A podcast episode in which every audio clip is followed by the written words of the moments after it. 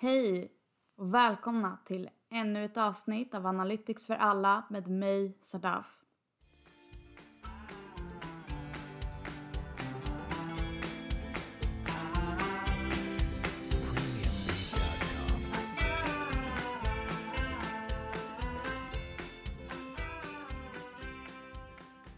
I veckans avsnitt så kommer jag att prata om vad det finns för för och nackdelar med att hela tiden vara uppkopplad på sin mobiltelefon. Så jag tycker att vi dyker ner direkt i området. Det digitaliserade samhället och allt vad det nu innebär med ständigt uppkopplade människor har under den senaste tiden mött av väldigt kritiska röster. Risken med för mycket skärmtid är ju verkligen nutidens snackis och det som i princip alla pratar om. En väldigt känd överläkare inom psykiatrin, Anders Hansen, är en av de personer som har faktiskt kritiserat människans bristande disciplin kring mobiltelefonen och att alltid vara uppkopplad. Och i en artikel så skrev han förra året om hur, eller rättare sagt varför mobiltelefoner är så beroendeframkallande. För enligt Anders Hansen så är ju de det då. Samtidigt finns det de som faktiskt hävdar att mobiltelefonen är ett kraftigt verktyg. Ja, men få oss att må mycket bättre och dessutom få våran dag att gå enklare. En psykolog, men även författare och föreläsare, Siri Helle, hon tycker något helt annat.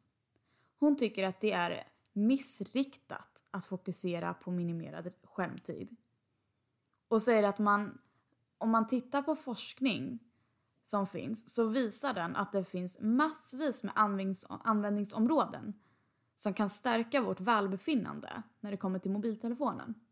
Det handlar inte i första hand om hur mycket vi använder våra skärmar utan vad vi använder dem till. Bland de många fördelarna som hon nämner så är exempelvis ett att eh, hur mobilen kan användas för att effektivisera vårt arbete och hur det kan skapa större möjligheter för oss att forma sociala relationer. Och det finns säkert många som tänker på mobiler som ett hot mot våra nära relationer. Att om vi istället bara är uppkopplade i telefonen så kan vi inte socialisera oss på samma sätt. Men Siri menar att det stämmer inte och att man inte ska tänka att mobilen konkurrerar ut umgänget. Om den används som ett komplement för att upprätthålla och fördjupa relationen man har när man är ifrån varandra så kan faktiskt mobilen stärka relationen. Hon menar också att vi istället borde fråga oss om vi kan optimera vår skärmtid. Det vill säga träna bort digitala ovanor som att konstant kolla mejlen samtidigt som man utför en arbetsuppgift. Men också vikten av att öka på det positiva användandet.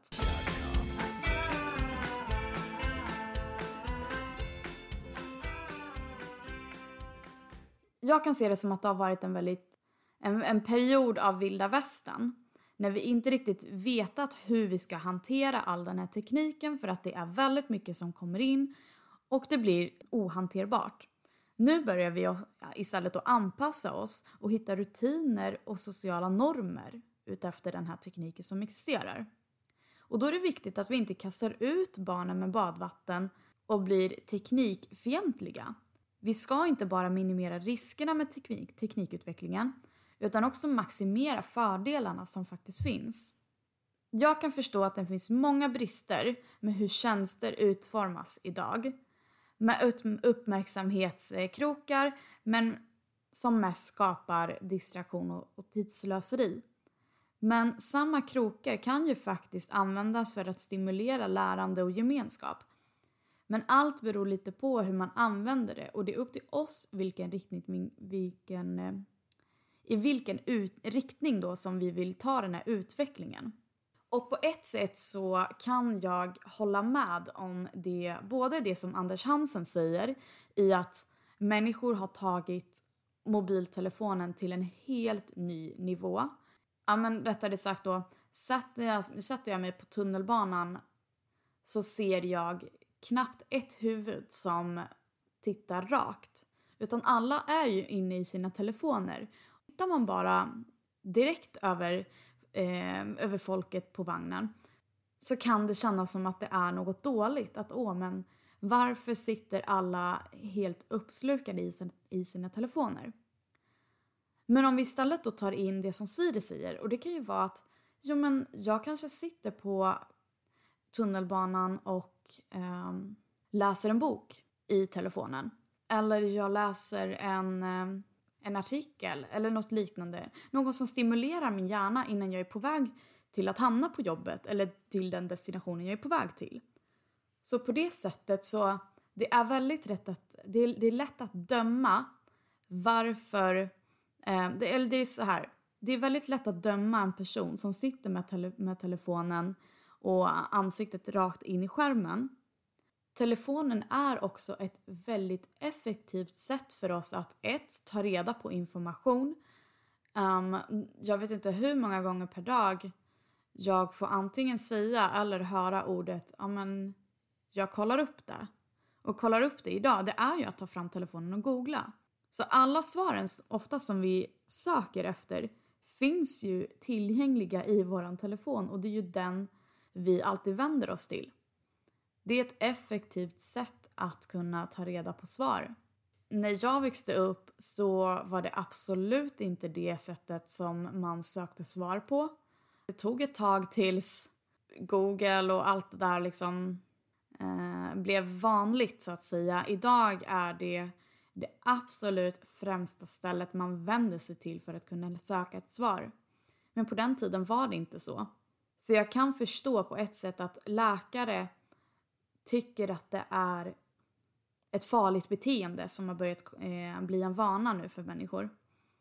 Men vi får inte glömma att eh, det finns så många användningsområden med telefonen.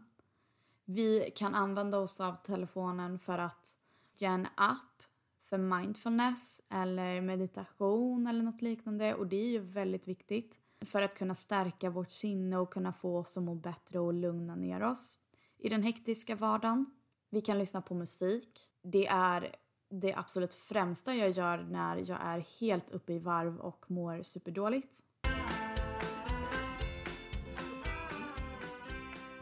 Tycker inte att det finns något svart eller vitt svar på det här eller att man ens ska säga att det är dåligt eller att det är bra. För att det har sina det har, det har sina upp och ner-delar med detta.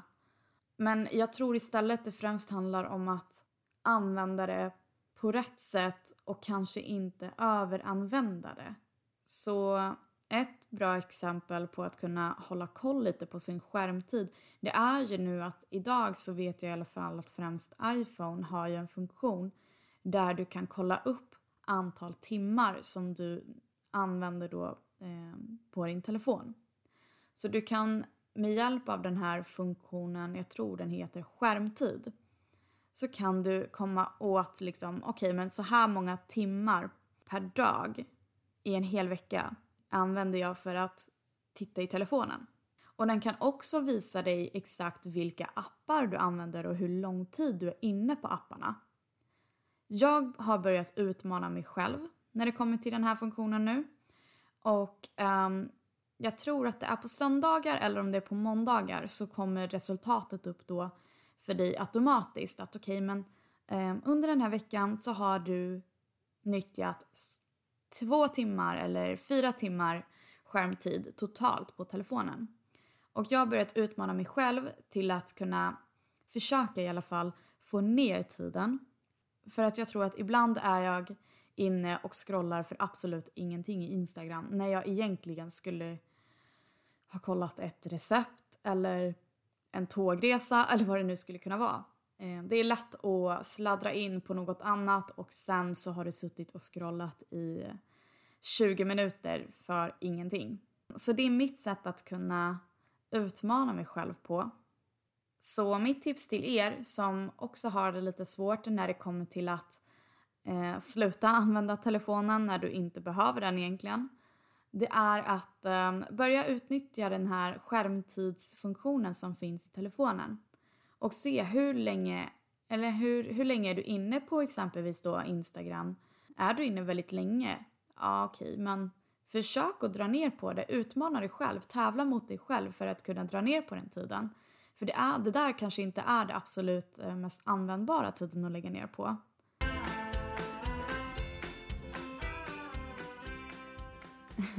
Bear with me när det kommer till mina avsnitt just nu.